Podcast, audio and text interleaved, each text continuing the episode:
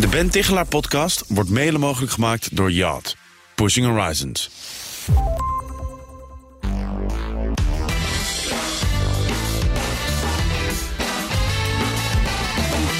Stel je voor, elke ochtend ga je met lood in de schoenen naar je werk. Je haalt er niks meer uit. Geen plezier, geen voldoening en ook je collega's hangen je de keel uit. Het is dat je er een goede boterham aan verdient, maar anders. Dit is de Ben Tichelaar podcast, de podcast van BNR Nieuwsradio over persoonlijke en professionele groei. En vandaag praat ik met organisatiepsycholoog Merel Veenstra Verschuren. Zij promoveerde recent op het fenomeen opgesloten zitten in je baan. Tegenwoordig adviseert ze bedrijven: wat moet je doen met mensen die opgesloten zitten? En hoe weet je zelf of je opgesloten zit? En wat doe je er dan aan? Merel, eh, welkom, fijn dat je er bent. Dankjewel, Ben. Ja, je mag op ieder moment weglopen hè, dat je dat wil. Je moet je niet opgesloten voelen hier vandaag. Oké. Hey, wat was in jouw, op, eh, jouw loopbaan nou op het moment dat jij ontevreden was? Dat je dacht, ik moet hier weg. Heb je dat zelf ook wel eens meegemaakt? Nou, ik heb het wel eens ervaren dat ik ontevreden was. Maar ehm, de passie om hiermee aan de slag te gaan kwam met name door de mensen die. ehm, ja, eigenlijk voordat ik met deze studie wilde starten, Ja. mensen die ik heel vaak in de corporate wereld trof, die ja, maar bleven zitten en niet in beweging kwamen. En ik vond het zo zonde dat ze die stap niet zetten. En dat is eigenlijk de reden geweest dat ik heb gezegd, ja, hier moeten we meer over leren, meer over weten. En zodat ik die mensen ook beter kan helpen. Ja, precies. Je bent buiten promovendus geweest, zes jaar gewerkt aan je promotieonderzoek. Maar daarvoor heb je in de bankaire wereld gewerkt. Bij ING, ABN AMRO. Kwam je daar die mensen ook veel tegen die eigenlijk niet weg konden? Ja, heel veel. Ja. Ja, ja. En eh, zelf heb je op een gegeven moment ontslag genomen. Hoe, hoe is dat gegaan? Nou ja, ik, ik merkte zelf dat ik in die bankaire wereld niet verder kon komen. En dat er niet echt geluisterd werd naar ja, de ideeën die ik had om, eh, om zaken die hierover gingen eh, Ja. aan te passen. En daarom heb ik op een gegeven moment gezegd, ja nou trek ik zelf de stekker eruit. Ik neem ontslag en ik ga als buitenpromovendus starten. Hoe reageerden collega's uit die tijd? Hmm, ja, eh, dapper en, eh, en, en ze vonden het een mooie stap. Maar eh, ja, ik vind het dan zelf jammer om te zien dat die mensen er nog steeds zitten. Die zitten er nog steeds. Terwijl ze Ja. misschien eigenlijk ook wel liever iets anders zouden willen doen. Zeker, ja. Ja, ja. ja, daar gaan we natuurlijk veel over hebben. Veel mensen die durven die stap, ontslag nemen, durven ze niet te ze- zetten. Ehm, ja, ze hebben vaak het idee ook dat ze geen kant op kunnen. Voelen zich dus opgesloten in hun baan. En daar heb je onderzoek naar gedaan. Kun je eens uitleggen, wat, wat vertellen mensen dan? Wat voor ja, dingen zeggen mensen die opgesloten zitten in hun baan? Ehm, en waarom ondernemen ze geen actie? Ja, de- je, je stelt eigenlijk een heleboel vragen tegelijkertijd. Ik weet het, ja. Ehm, sommige mensen zeggen ook eigenlijk helemaal niet dat ze opgesloten zitten. Nee. Ik vond verschillende niveaus. En eh, sommige mensen die zeiden ook, nou, opgesloten zitten, locked at the job, zoals ik dat in de Engelse term dan noem. Dat Ja. vonden ze dan een beetje te zwartgallig klinken. En die mensen die zeiden eigenlijk tegelijkertijd van, ja, oké, maar ik was niet tevreden in de situatie waar ik zat. En tegelijkertijd zette ik ook geen stappen om weg te gaan. Dus als je het zo bekijkt, zat ik inderdaad niet op mijn plek en ging ik ook niet weg. Dus kun je, ja, zou je het zo kunnen stellen dat ik opgesloten zat. ja. Ehm, ja, en, en dat is eigenlijk ook, zijn ook meteen de twee dimensies waar we naar hebben gekeken. Mensen die dus ontevreden. niet tevreden aan de ene kant. Precies. Maar je onderneemt geen actie. Precies. Ja. En het is dus niet zo dat iemand anders jou heeft opgesloten, maar je sluit jezelf dus Ja, op in die baan. Hè? Dat is misschien ook wel goed om dat even te onderstrepen dan. Ja, en, het, En, en ook misschien wel belangrijk om te benoemen: het is de ontevredenheid die je voelt van binnenuit. Ja. En tegelijkertijd de perceptie die je hebt dat er dus voor jou beperkte baankansen zijn om dus zo'n stap te zetten. Je praat jezelf eigenlijk aan dat je die stap niet zou kunnen zetten. Ja, je denkt, ik zou wel weg willen, maar toch zijn allerlei redenen die mensen verzinnen waarom het niet kan. Wat zijn het dan voor redenen? Wat zeggen mensen dan tegen zichzelf? Nou ja, de belangrijkste reden is natuurlijk de arbeidsvoorwaarden. Waardoor mensen zeggen, ja, ik heb het eigenlijk toch wel heel goed. Dat salaris wat ik hier verdien, dat zal ik wel nergens anders kunnen verdienen. Ja. Maar er zijn ook mensen die zeggen, ik heb een bepaald, eh, bepaalde leeftijd. Waardoor ik vind dat er beperkte baankansen voor mij zijn. Dus ik blijf wel hier gewoon zitten. Of ik zit al heel veel jaren hier. Wie wil mij nou nog op die arbeidsmarkt? Ja. Mensen zijn zo lang buiten die arbeidsmarkt geweest dat ze daardoor ook niet meer naar buiten kunnen kijken. Eh, en ik heb ook wel mensen gehoord die bijvoorbeeld eh, een heel specialistisch systeem eh, tot zich hebben genomen binnen een bepaalde organisatie. En dan vervolgens zeggen, ja, dat systeem dat kan ik eigenlijk nergens anders uitvoeren. Ja. Dat hebben ze nergens anders, dus ja, blijf ik maar hier zitten. Ja, ja. Als ik het zo hoorde, denk ik altijd een beetje... mensen hebben waarschijnlijk van binnen een soort ehm onheimelijk gevoel over van baan veranderen of eh, hun baan opzeggen. En dan is het brein natuurlijk ontzettend creatief. Het verzinnen van allerlei rationeel klinkende redenen waarom dat het ook echt niet kan. Dus waarschijnlijk als je met die mensen in gesprek gaat zeggen, joh, maar er zijn ook andere plekken waar ze dat systeem gebruiken. Of hé, hey, met jouw leeftijd is het echt geen probleem een andere job te vinden. Dan verzinnen ze vaak wel een andere reden waarom ze toch niet weg kunnen. Ja, dat... Is dat ook wat jou opvalt? Mm, wat, wat mij met name opviel is dat mensen um, voordat ze echt die stap gaan nemen, dat ze vaak onbewust en heel passief in zo'n situatie bleven zitten. Ja. En uh, ja, dat is wel heel kenmerkend voor die groep mensen, dat ze, ja, het overkomt hun eigenlijk. Die tevredenheid die ontstaat en tegelijkertijd komt er op een gegeven moment dat ze denken, ja, maar ik kan eigenlijk ook niet weg. Ik ga mezelf nu aanpraten dat ik eigenlijk die stap niet kan zetten. Ja, dus ze voelen zich ontevreden, maar tegelijkertijd inderdaad komt er geen actie en hebben ze allerlei nou ja, motivatie, allerlei mooi klinkende redenen waarom het niet kan. Um, opgesloten zitten in je baan. Daar gaan we dus verder over hebben. Hoe herken je dat en wat doe je eraan? Daarover praat ik zo meteen verder met Merel Veenstra Verschuren. Die is hierop gepromoveerd. Maar eerst een boodschap van onze sponsor. Carrière maken door te breken met conventies? Benieuwd naar hoe je dit het beste kunt doen? Kijk dan eens bij Yacht, want de snelste ontwikkeling gebeurt buiten je comfortzone. Daarom zijn wij de partner van de Ben Tichelaar podcast. Iedereen die uh, wat werkervaring heeft, die een paar jaar in een baan zit, die, uh, ja, die heeft vast wel eens momenten dat hij ontevreden is. En dan denk je ook waarschijnlijk van, nou, ik hoef niet meteen uh, mijn baan op te zeggen, want ja, soms dan wordt het vanzelf weer beter. Dus hoe lang moet je nou eigenlijk ontevreden zijn, die ontevredenheid ook echt ervaren, voordat je kunt spreken van opgesloten zitten? Ja, er is natuurlijk geen echte graadmeter voor, uh, want dat zal bij iedereen verschillend zijn. Maar wat ik met name wel uit mijn kwalitatieve studies zag, is dat mensen eigenlijk zich hadden, vrijwillig hadden aangemeld om deel te nemen. En het minimale wat mensen eigenlijk opgaven was zes maanden. Dus ze hadden minimaal zes maanden in zo'n ontevreden situatie gezeten en tegelijkertijd ook het gevoel gehad, ja, ik kan eigenlijk nergens anders naartoe. Ik durf die stap niet te nemen of ik voel me er nog niet goed bij om die stap te maken. Ja, en, en hebben mensen dan zeg maar ook allerlei andere acties al ondernomen? Ik kan me voorstellen dat je ook probeert binnen je baan misschien dingen te veranderen, hè? want je hoeft niet altijd meteen weg te gaan naar een andere werkgever. Ja, heel, heel goed, uh, goede input van jou, Ben. Dat, uh, dat is wel vaak uh, wat ik ook bij mensen aangeef. Alleen ja, vaak zitten mensen zo opgesloten dat ze ook niet meer gaan nadenken over hoe die baan dan verder aangepast kan worden. Okay. Dus jobcrafting waar het altijd over gaat en dat soort dingen, dat, dat zijn dus ook geen initiatieven die mensen dan ondernemen. Nee, en dat zou dus wel moeten. En wat mij betreft moet je dus ook eerder gaan beginnen met het signaleren dat mensen op zo'n, in zo'n situatie terechtkomen.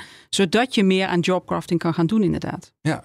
Zijn er nou ook uh, banen en sectoren waar mensen zich meer opgesloten voelen dan in andere? Dus je hebt allerlei soorten uh, werknemers gesproken. Je hebt gekeken ook naar, denk ik, verschillende sectoren. Kun je daar iets over zeggen?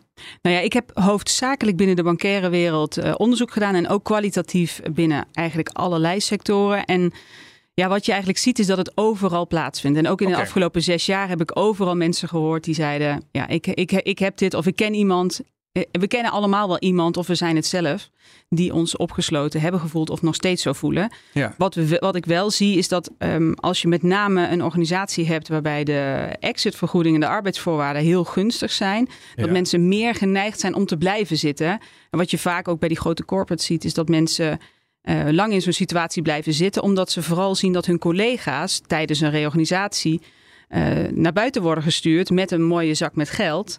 En mensen eigenlijk blijven wachten totdat zij dat zakje met geld ook krijgen. Oké, oh, dat is interessant. Dus uh, als die arbeidsvoorwaarden nu gewoon goed zijn, dan wil je dat natuurlijk niet opgeven. Maar als er dan ook regelmatig van die rondes zijn, zeg maar, hè, soms bij grote banken, dat je met een mooie premie eruit mag, Precies. dan denken mensen nou nog even blijven wachten totdat je zeg maar eh, de hoofdprijs van de staatsloterij ook bij, mij, bij mij valt. Want die ja. moet ik eigenlijk ook nog gaan krijgen. Die wil ik ook hebben. Ik ga, ik ga niet zomaar weg. Precies. Ja, oh mensen. Ja, dus dat gaat, die financiële kant is dus best wel belangrijk. Ja. Ja. ja. heel belangrijk. En wat ik zo jammer vind, is dat mensen dus ook niet verder gaan kijken en niet uh, nadenken over wat zou ik dan ja, ze gaan ook niet eens solliciteren, zeg maar. Dus ze blijven eigenlijk vasthouden aan dat, ja, dat uh, behagelijke gevoel, zeg maar. Omdat ze die stap niet durven te nemen. En omdat ze tegelijkertijd ook ja, bang zijn dat ze dan al met, niet met één been, maar met twee benen voor hun gevoel al buiten staan. Ja, dat is wel grappig. De luisteraars kunnen natuurlijk niet zien hoe je hierbij kijkt. Maar jij bent hier best wel een beetje betrokken op dit onderwerp. Je zegt, ik vind het ook echt jammer. Maar ja. ze kunnen zeggen, ja, wat kan het je schelen? Het is hun leven. Maar jij maakt je daar druk om. Nou ja, we, zijn, we gaan zoveel uur per week gaan we naar ons werk toe. En, en dan vind ik het zo zonde dat je, dat je met, nou ja, met een ongelooflijk uh, naargevoel uh, naar je werk toe gaat en ook weer naar huis gaat en dat meeneemt. Waarom maak je er niet iets, uh, ja, een iets groter feestje van? Hè, we hoeven niet iedere dag met heel veel plezier naar ons werk te gaan. En er zijn natuurlijk altijd dingen die je niet zo leuk vindt om te doen. Maar ja, ik vind het gewoon zonde dat mensen in zo'n situatie blijven zitten. Ja, ik snap wat je bedoelt. Zeg, als het dan om die arbeidsvoorwaarden, gaat, bijvoorbeeld in die bankaire sector ook, hè, is dat dan zeg maar de beroemde gouden kooi waar we het over hebben? Ja, precies. Ja, alleen dat is dus dan inderdaad, ehm, de gouden kooi houdt je financieel ergens binnen. Maar er zijn natuurlijk dus nog genoeg andere redenen die maken dat je die stap niet denkt te kunnen maken. Ja, ja, ja precies. Eh, kun je daar iets meer over zeggen? Wat zijn andere redenen Ehm, die ervoor zorgen dat mensen blijven. Maar misschien zijn er ook wel andere kenmerken, bijvoorbeeld van ja, dingen die ervoor zorgen dat het zo'n uh, ja, dat je je opgesloten voelt. Zo'n sleur wordt, ja. ja. Nou, wat we met name zagen is dat mensen een gebrek ervaren aan waardering, erkenning en, en ook verantwoordelijkheid die ze dus niet voldoende krijgen. En ze voelden zich niet voldoende gewaardeerd door de, vaak door de werkgever. Oké, en, en binnen de werkgever zal ik maar zeggen, hè, het bedrijf is dan de, wie, wie speelt er dan een belangrijke rol? Ja, toch wel de directe leidinggevende. Ja, precies. Ja. Dus als jouw teammanager of jouw directe leidinggevende, als die zeg maar dus die aandacht niet aan jou geeft, dat vinden mensen dus echt naar. Ja. Uh, zijn er nog meer dingen die ervoor zorgen dat mensen zich opgesloten voelen? Uh, de collega's, het soort werk wat je krijgt, waar moet ik aan denken allemaal? Ja, dat is met name dus het, uh, het, ja, het gebrek aan, aan een goede werksfeer op de werkvloer. Dus met okay. collega's, maar ook vaak met de directe leninggevende. Die heeft dus echt wel een hele belangrijke rol in het ja, faciliteren eigenlijk van, van die ontevredenheid. Ja, maar dokter Veenstra, moet je me even uitleggen, hoe meet je nou sfeer? Uh, nou ja, dat vraag je aan mensen. We hebben dat kwalitatief gemeten, maar je meet met name de ontevredenheid van mensen. En dan gaven mensen vooral aan dat ze dus uh, ja, dat dit de redenen waren waarom ze dus uh, ja, niet meer op hun plek zich voelden. Ja, precies. Nou hoor je de laatste tijd veel over quiet quitting. Hè? Dat is ja. een hippe term. Nou wordt er al door sommige mensen beweerd, er wordt al 40, 50 jaar over gepraat. Hè? Dan wordt het wel stil ontslag, werd het vroeger bijvoorbeeld ja, wel genoemd. Hè? Of inwendig ontslag, heb ik ook nog eens een keer in literatuur uit de jaren 70 zelfs al ja. uh, gelezen. Maar goed, het is op dit moment blijkbaar iets wat speelt. En vooral bij de jongere generatie, zou ik maar even zeggen, de 35 minners. Het minimale doen op je werk en het daarbij laten. Um, hoe moet ik me dat voorstellen? Dat quiet quitting in relatie tot dat opgesloten zitten in je baan. Heeft dat nog met elkaar te maken op de een of andere manier?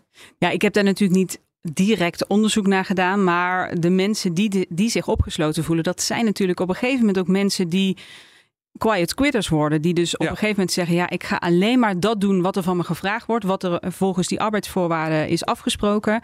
En verder niet meer dan dat. Ja. En dat, ja, dat zie je dus heel erg. Dat, uh, dat daar dus um, ja, dat er een grote groep is die, die ja, in zo'n situatie zit. Zelf vind ik alleen die quiet quitters inderdaad precies wat jij zegt. We hebben ook de underregulators. Dat zijn precies deze groep mensen. De en dat, underregulators, ja. moet je me even helpen? Want... Nou ja, je hebt vanuit de Person Environment Fit Theory, waar wij met name ook een deel van dit onderzoek op gebaseerd hebben. Daar gaan we zo nog even verder op in. Maar goed, de Person Environment Fit Theory. Fit Theory, dus persoon en omgeving moeten bij elkaar passen. En als precies. je dan vanuit dat perspectief kijkt, wat zie je dan? Nou ja, dan moeten er dus een goede fit zijn uh, om voor die tevredenheid te zorgen en tegelijkertijd ook voor die beperkte baankansen. Ja. En wat je dus ziet is dat mensen die dus uh, een misfit ervaren, dat die dus uh, een, een misfit ervaren tussen die person en die environment. Dus als voorbeeld, als jij als individu uh, bepaalde waarden en normen hebt ja. over hoe je vindt dat er met jou moet worden omgegaan op de, op de werkvloer. Ja. En de environment, jouw werkgever, dat niet aan jou uh, doet toekomen, dus een onvoldoende waardering geeft, dan krijg je een misfit, een soort van error. Ja. En dat maakt dat je dus ontevreden bent. En dan moet er nog eens een keer een tweede misfit zijn die maakt dat je dus die beperkte baankans hebt. Dus alleen de okay. leeftijd maakt niet dat je. Uh, uh, beperkte baankansen hebt. Oké, okay, dus er moeten echt wel een paar factoren bij elkaar komen. Maar het grappige is natuurlijk dat uh, als je het dan hebt over person en environment en over de fit daartussen, dat het iets is wat blijkbaar bij heel erg veel mensen uh, speelt. Onder meer met, bij dat quiet quitting. Want ja, zoveel mensen die zeggen ja. Ik vind het allemaal wel prima, maar ik ga me echt niet meer inspannen dat ik na vijf uur nog veel langer doorwerk bijvoorbeeld. Nee, en ik denk dus dat dat voor een groot deel komt door wat er op die werkvloer allemaal gebeurt. En wat ik heel vaak zeg is ook, je neemt niet een quiet quitter aan. Nee zo iemand ontstaat op de werkvloer. En dat is wat er vervolgens ook, uh, wat ook maakt dat iemand zich zo gaat gedragen. En we vinden het vaak heel vervelend als iemand zich zo gaat gedragen. En we gaan dan vaak met een vingertje wijzen van dit is zo'n quiet quitter. Of dit is zo iemand die zich opgesloten voelt. Ja. Maar uiteindelijk hebben we het zelf gecreëerd. Ja, nou, dat hoor je natuurlijk vaak. Hè. Dat is een beroemde voorbeeld van een manager die zegt: Ja, mijn vorige team was ongemotiveerd. En nu heb ik alweer van die ongemotiveerde mensen. Dat Ja. jij op een gegeven moment gaat denken: Ja, Waar zou het dan aan liggen? waar zou het dan aan liggen? Ja, wat is de constante factor hier? Je luistert naar de Ben Tichelaar podcast. Vandaag praat ik met organisatiepsycholoog Merel Veenstra Verschuren. Ze promoveerde recent op het fenomeen opgesloten zitten in je baan. Eh Merel, laten we even teruggaan naar jouw onderzoek. ehm, dat opgesloten raken in je baan, ehm, kan je dat zien aankomen? Zijn er vroege voorspellers? Zijn er bepaalde rode vlaggen waar je op moet letten?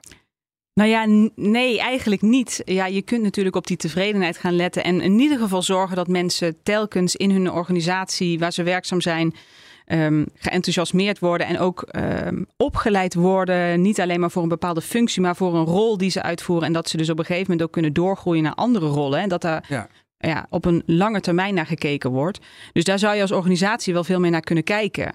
En ja, die tevredenheid, ja, daar ben je natuurlijk zelf heel erg bij. Uh, om dat met je werkgever ook vaak bespreekbaar te maken. En dat is waar het volgens mij nu verkeerd gaat. Ja, dus het is niet alleen maar gewoon vandaag mijn werk goed doen. Maar het is wat we vaker ook natuurlijk in deze podcast voorbij horen komen. Dat je ook actief gaat nadenken over de vraag van hoe zorg ik dat mijn baan over een jaar ook nog leuk is. Precies. Hoe zorg ik dat ik me blijf ontwikkelen. Ja, en dat dus niet alleen vandaag bij het luisteren van deze podcast doet. Maar gewoon eigenlijk om de zoveel maanden nog eens een keertje na gaat denken over eh, een soort van reflecteren. Heb ik het nog wel naar mijn zin? Zit ik nog wel op mijn plek? Ja. Hoe vaak moet je dat doen, vind jij, per jaar bijvoorbeeld?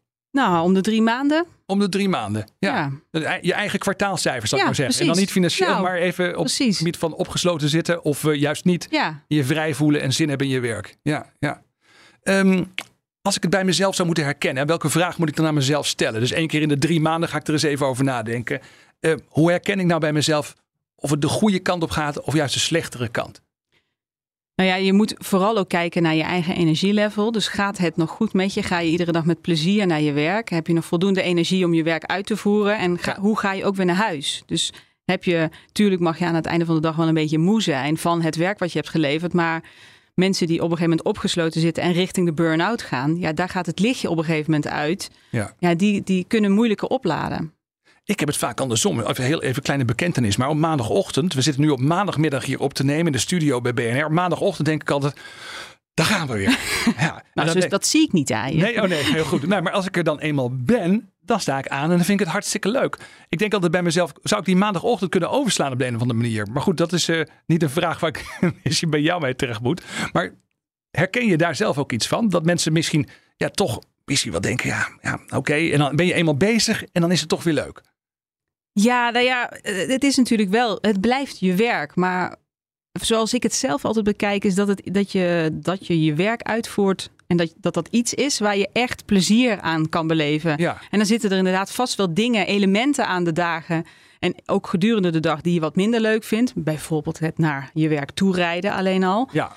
Maar ja, maak het dan voor jezelf zo leuk mogelijk om, uh, om daar de focus niet op te leggen. Ja, maar het blijft dus ook wel gewoon je werk. Ja. Er zit ook gewoon soms een beetje corvée bij. Dat hoort er nou ja, eenmaal precies. bij. Ja, dus al die e-mails en zo waar ik op maandagochtend al zeg maar mee begin. Dan moet ik dan leuk proberen te maken. Ja, nou precies. En, en, en misschien ook even doorbijten. Ik heb ook uh, dat ik artikelen nog moet schrijven en denk, oh, daar heb ik helemaal geen zin in. Ik wil liever met Ben in zo'n podcast zitten en, ja, en over dit onderwerp praten. Maar dat kan natuurlijk niet altijd. Nee, precies. Nee, dat kan niet altijd, dat snap ik. Ja. Hey, uh, hoe herken je bij, bij andere mensen? Dus stel je nou voor, ik luister hiernaar, ik ben werkgever of ben teamleider. Ik denk, potverdikkie, uh, hoe zou dat nou bij mijn team zitten? Waar kan ik op letten? Nou ja, je ziet het een klein beetje in de productiviteit bij mensen. Dat zagen we ook eh, uit de studies komen. Alleen daarnaast zie je het gewoon heel moeilijk bij mensen als ze er niet over praten en het niet, er niet voor uit durven te komen. Ik heb ook zoveel mensen om me heen gesproken. Sommigen die zeiden van ja, ik, uh, ik kwam jou een paar jaar geleden tegen en toen dacht ik al, volgens mij ben ik ook zo iemand die zich opgesloten voelt. Ja. Ja. En uiteindelijk met een burn-out thuis komt te zitten drie jaar later. Oké. En dan denk ik bij mezelf, waarom vertel je dat dan niet eerder? En waarom lucht je je hart niet eerder? En ja, er zit zo'n groot taboe op dit fenomeen. Je ontevreden op je werk voelen en daar vooral niet over durven te praten. Want het moet altijd maar leuk zijn. We moeten het altijd naar ons zin hebben. Ja, ja. Want, want, zodra je dat met een werkgever deelt, dan, ja, dan zijn er geno genoeg verhalen van mensen die zeggen: ja dan, uh, ja, dan kan ik vertrekken. Nou, luister ik hier naar en denk: nou, de feestdagen komen eraan. Straks zitten we weer bij elkaar rond de. Nou, uh, wat is het? Uh, eerst maar eens even Sinterklaas. En dan misschien daarna bij de kersttafel of wat dan ook. Of bij de kerstborrel. Als je nou dit gesprek uh, uh, wilt voeren met mensen, als je dit nou ter sprake wilt brengen, bijvoorbeeld omdat je denkt dat bij een goede vriend of misschien wel bij je partner dat dit soort dingen spelen, hoe kun je dat gesprek goed voeren? Wat zou je mensen aanraden? Heb je het nog wel naar je zin op je werk? Hoe gaat het op je werk en, en zit je nog wel op je plek daar? En vooral dat doorvragen, dat, dat kan vaak wel helpen. Um, door bij mensen een soort van iets, ja, een soort van taboe te doorbreken. Dus vraag er nog een keertje extra over door. En vaak die extra doorvraag, die maakt dat mensen ja, openklappen eigenlijk en hun hart kunnen luchten. Ja, want je hebt zelf, je zei het zelf al, hè, bij allerlei mensen die vragen ook gesteld, kwalitatief onderzoek gedaan, zo echt ja, diep, diep Ja. diepgaande gesprekken met mensen gevoerd. Eh, zijn er een soort miracle questions? Zijn er vragen? Of is dat je zegt Nee. van nou, je moet minstens 10 minuten met mensen praten, want eh, voor die tijd houden ze zich nog een beetje op de vlakte? Of Nee, je moet er gewoon over praten. En zelfs ook bij die interviews. Mensen die waren. Zodra eh, mensen voordat ze die interviews af, eh, voordat die interviews werden afgenomen, wilden mensen er eh, vooral ook niet delen dat ze aan die interviews meededen. Niemand mocht weten dat ze gingen deelnemen. En zodra ze klaar waren met die interviews, werden ze helemaal openhartig en gingen ze zelfs naast mij aan het bureau komen te staan met alle collega's eromheen om te vertellen dat ze dit hadden ervaren. Dus Ja. ja, ook alleen al zo'n interview kan zorgen voor veel meer openheid en eh, het gevoel geven dat het helemaal niet, niet slecht is om erover te praten. Het is oké als je het een keer niet naar je zin hebt op je werk, maar doe er wat aan. ja, nou ja, je zegt het is oké inderdaad, maar dan moet je dus wel tegen mensen zeggen, want als ik je zo begrijp, dan is het voor de meeste mensen best een gevoelig onderwerp. Een heel gevoelig onderwerp, ja. Ja, precies. Zeg, ehm, nou ben ik werkgever en ik denk, oké, ik moet hier iets mee. Want dat quiet quitting, daar hoor ik te veel over. Ik hoor te veel over mensen die vertrekken, die ontevreden zijn, die de aandacht niet krijgen. Eh, nou hoor ik weer over mensen die opgesloten zitten in hun baan en, en eigenlijk al een tijd lang weg willen. Ehm, als je nou werkgevers hierop adviseert, en dat doe je in je dagelijks werk, waar praat je dan met elkaar over? Wat is nou het soort advies waar mensen iets aan hebben in dit soort, eh, bij dit soort problemen? De werkgever, heb ik het Ja, over. ja, ja. Nou, eh, het begint bij het echte gesprek aangaan. Maar tegelijkertijd noem je een hele hoop dingen op die zeg maar allemaal met het proces te maken hebben als mensen zich opgesloten voelen. Ja. En er zijn er eigenlijk wat mij betreft vier V's om, je, om over na te denken. Oh, zijn we dol op? Vier V's, Ja. vertel, ja. Voorkomen dat mensen in zo'n situatie terechtkomen. Dus vooral zorgen dat, dat je aan die tevredenheid gaat werken bij mensen. Dus voorkomen door aan Voorkomen. de tevredenheid te werken, dat is de één. Ik heb Ja. een vinger, één vinger in de lucht. Ja. Het verminderen van de pieken. Verminderen van de pieken. Wat voor Ja. pieken? Mensen die gaan op een gegeven moment door een bepaalde piek heen. En die op een gegeven moment, dan gaat dus het lichtje uit. En dan komen ze vaak in een burn-out terecht. Komen ze thuis te zitten of worden ze depressief. Heb je het over piekbelasting of zo? Of, eh, Ehm, nou, in ieder geval zorgen dat die pieken minder hoog zijn. Dus dat je eerder herkent dat mensen bijna om gaan vallen. Oké, ja. Dus dat verminderen. Dan het verkorten van, die hele van die hele, dat hele proces. Ja. Uit de studie kwam dat het gemiddeld 2,5 jaar duurde dat mensen in zo'n situatie zaten. Dus van zes maanden tot acht jaar.